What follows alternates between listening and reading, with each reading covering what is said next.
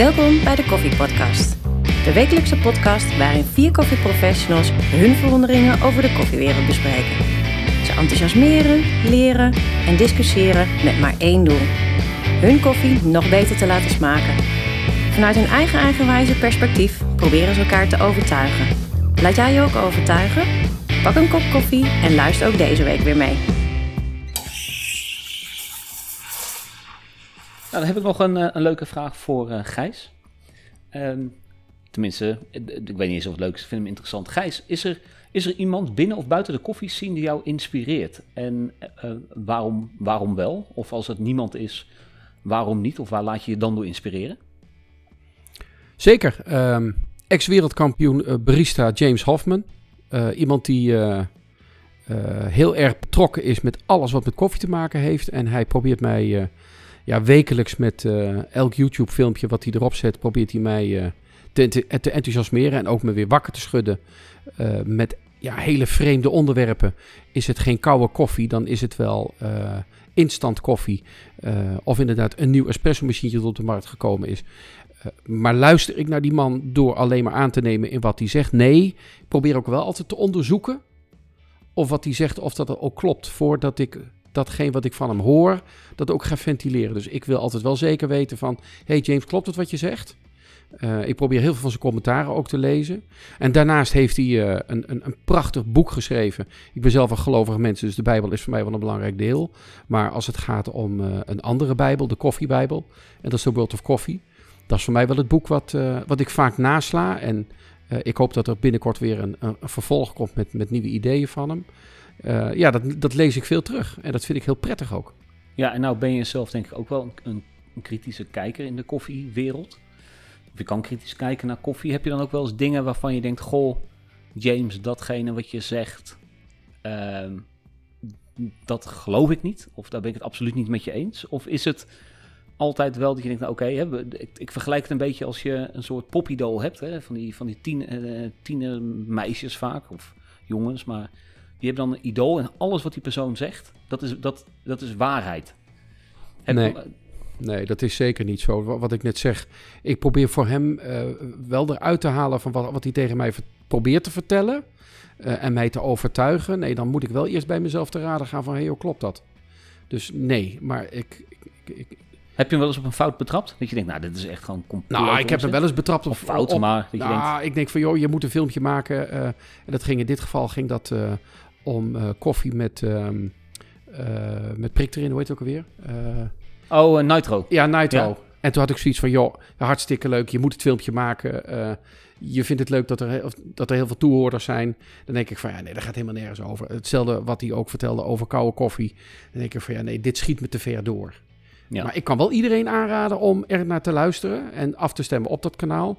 Want ik bedoel, hou jezelf uh, in je geest levend door uh, naar hem te kijken en te luisteren. Ja. Nee, ik neem niet voor alles, uh, neem ik aan. En daarnaast is voor mij een inspirator, omdat hij heel erg betrokken is bij het merk Victoria Duino. En dat is een espresso machine die mij zeer naar aanslaat ligt omdat ik hem verkoop. Um, en om die reden vind ik het ook wel belangrijk om naar die man te luisteren. En ja. ja als ik de kans krijg om je te ontmoeten, dan graag. Ja. Ik heb dat één keer... Uh, heb ik hem ontmoet bij het uh, Amsterdam Coffee Festival twee jaar terug.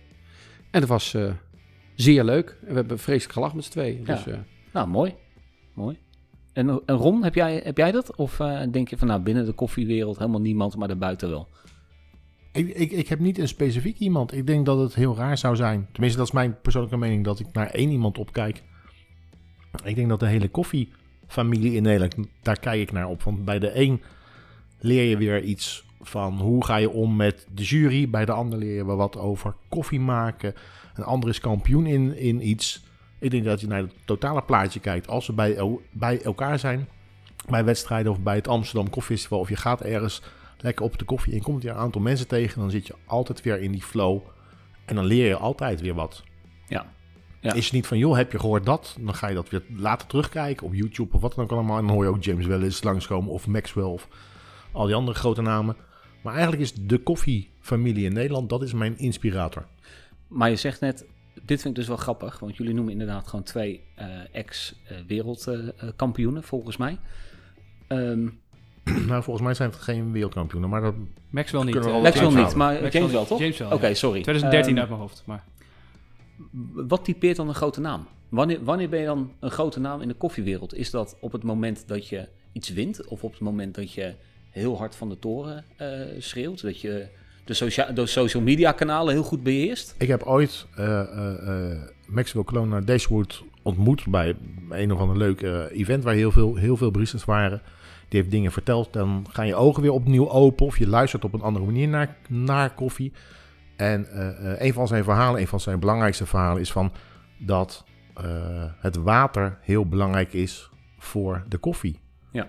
En bij een van zijn runs bij het WK begint hij eerst eh, over, wa- over water te praten. Ja. En na drie minuten gaat hij nog vier espresso's, vier cappuccino's en vier signature drinks maken. En is hij al op tijd klaar. En dan denk ik, wauw, geniaal. Ja. Maar wat hij geschonken heeft, weet ik niet meer. Maar die eerste drieënhalve minuut Ja, die, staan bij die mij bijgebleven. Ja, Ja, ja. en dan heb je iets, denk ik, bereikt.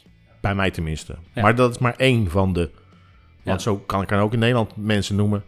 Esther Maasdam, eh, Rob Klarijs, Marijn Gijsbers, nou, noem maar op. Het zijn allemaal grote mensen. Mensen die soms aan het branden zijn gegaan. eh, die, die hebben we ook op, op andere manieren genoemd soms. Al die mensen zijn belangrijk. Of Ja. je nou mee hebt gedaan aan een wedstrijd. Of je bent een barista ergens. Als je in de koffiefamilie zit, ja, dan hoor je erbij. En dan, dan ben je voor mij een inspirator.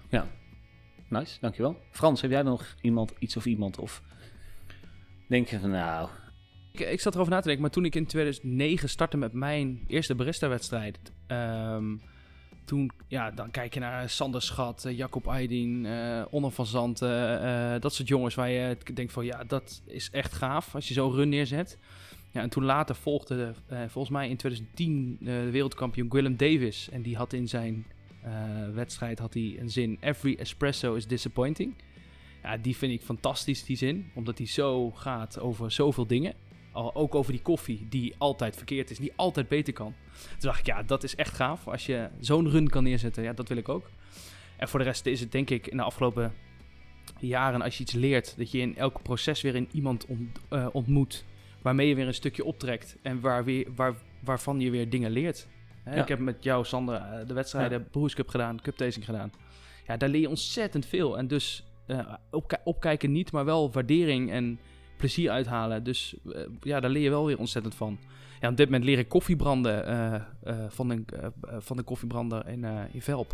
Ja, dat is fantastisch om daar naar te luisteren. En dus ook weer is het, het is niet opkijken, maar wel inspirerend. Om daar, eh, Ja. ja. te gek. Ja, Ja. absoluut. En jij zelf?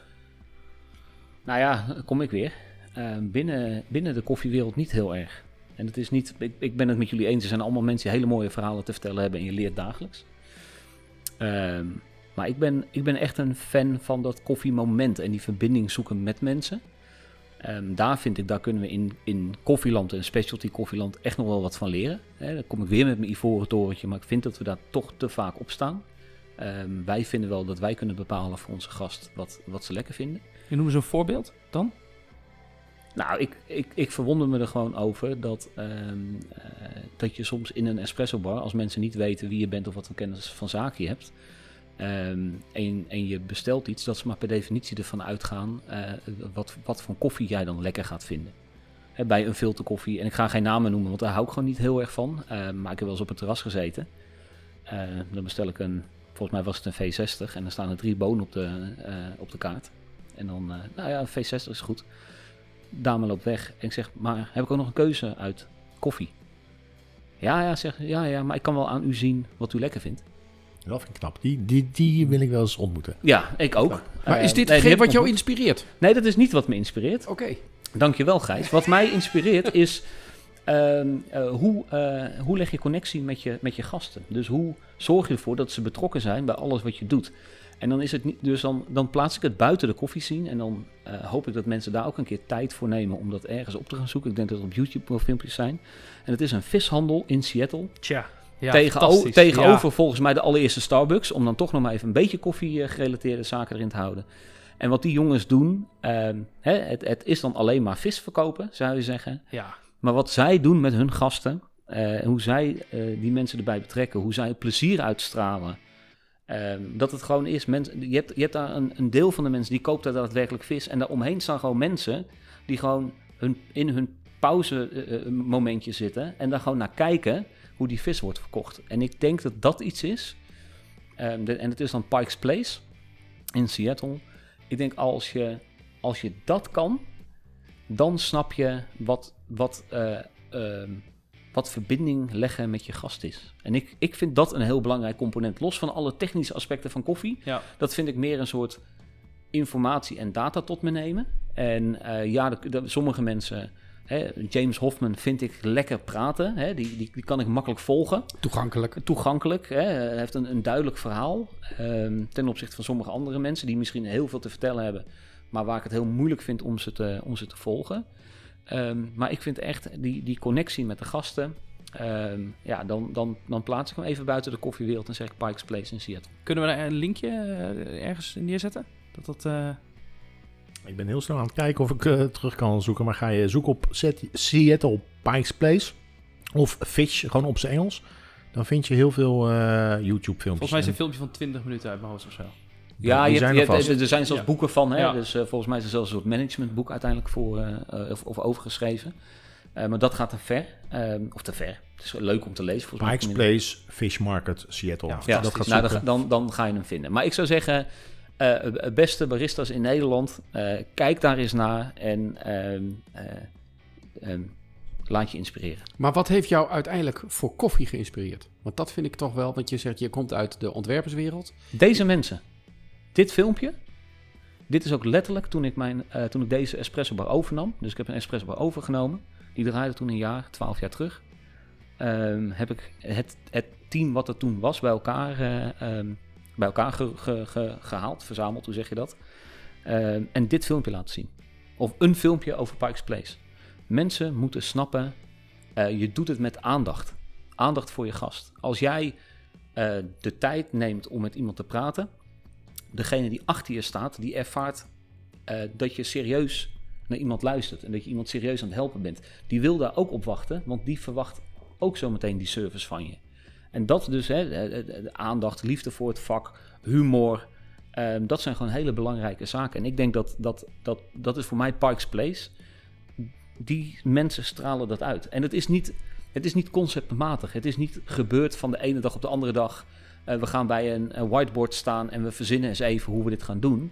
Het is een evolutie geweest van bepaalde stappen. Je kan het ook niet één op één overnemen wat zij doen. Ehm, maar dat is het, ik vind dat wel het inspirerende ervan. Ik heb hem eh, jaren geleden gezien, een paar keer. Ehm, het, het, het cadeautje wat zij geven is, hoe maak je verkopen een feestje? Ja. En of het vis is en hoe ze daarmee gooien en allerlei andere dingen doen. Ja. Maar ze maken het feestje als je daar vis wil gaan kopen. En zo willen we natuurlijk allemaal dat als Ja. je wat koopt of ergens bestelt, dat dat ook een cadeautje is. Ja. Frans, stel je voor dat je een su- koffiesuperheld zou zijn. Wat zou, dan je ge- wat zou dan je geheime kracht zijn? Is geheim, mag, ik, mag iedereen het zien? Wat jij wil. Ik denk dat twee armen, eh, ik denk dat twee armen als aeropress zou zijn, denk ik. Twee armen als... dus dan kan ik twee aeropressen tegelijk maken. Want dan heb je nooit meer het probleem dat als je hem uitdrukt, dat je, snap je? Ik zie het voor me, ik snap Nee, ook nee maar ik wil in ieder geval twee, twee armen als aeropress. Oké. Dat lijkt me En dan fantastisch. kan je niks anders doen dan alleen maar Aeropress zetten. Ja, want ik, ben, ik vind aeropress het mooiste eh, zetwijze. Dus dan kan je thuis zeggen, schat, ik kan niet eh, eieren bakken, want ik heb Aeropress als handen. Maar, Fantastisch. hij gaat in heel veel door. Gaat, kan niet Het is stofzuigen. niet stofzuigen. Ja, eigenlijk doet hij geen... Aeropress. Ik wil twee armen als aeropress. Aeropress is het magische antwoord. Ja, en jij, Ron? Ehm, mijn geheime kracht zou zijn dat iedere koffie lekker smaakt. Lekker voor degene die tegenover mij zit. Dus en hoe ga je dat doen? Dat is dat- mijn geheime kracht. hey, oh, dat is mijn geheime kracht, hè? Als ik koffie zet voor jou, is die voor jou lekker.